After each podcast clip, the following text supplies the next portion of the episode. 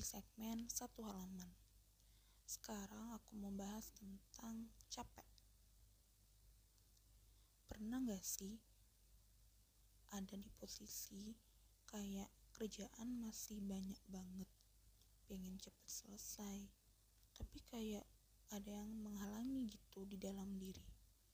Kayak kepala itu rasanya penuh banget hati ngerasa ingin mengeluarkan sesuatu, tapi mikir, apa sih yang mau dikeluarin? Aku pernah, dan mungkin kamu pernah. Saat aku nulis ini, aku lagi ngerasain hal itu.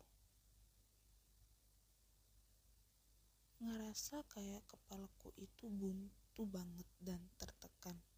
Gak jelas penyebabnya itu apa. Tapi yang jelas, satu hal yang aku tahu kalau aku lagi capek. Dulu aku pernah merasakan hal yang sama, tapi caraku melampiaskan dengan cara yang salah. Akhirnya ada orang yang terluka gara-gara aku. Jadi, waktu aku ngalamin hal yang sama, aku inget dan berusaha menahan diri untuk gak melukai orang lain dan melampiaskan dengan cara yang aman.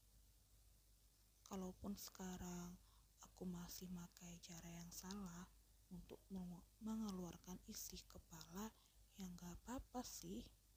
Sama kayak sekarang aku belajar dari waktu itu. Sekarang juga aku akan belajar untuk hari esok hari ini akan menjadi pelajaran untuk hari ke depannya.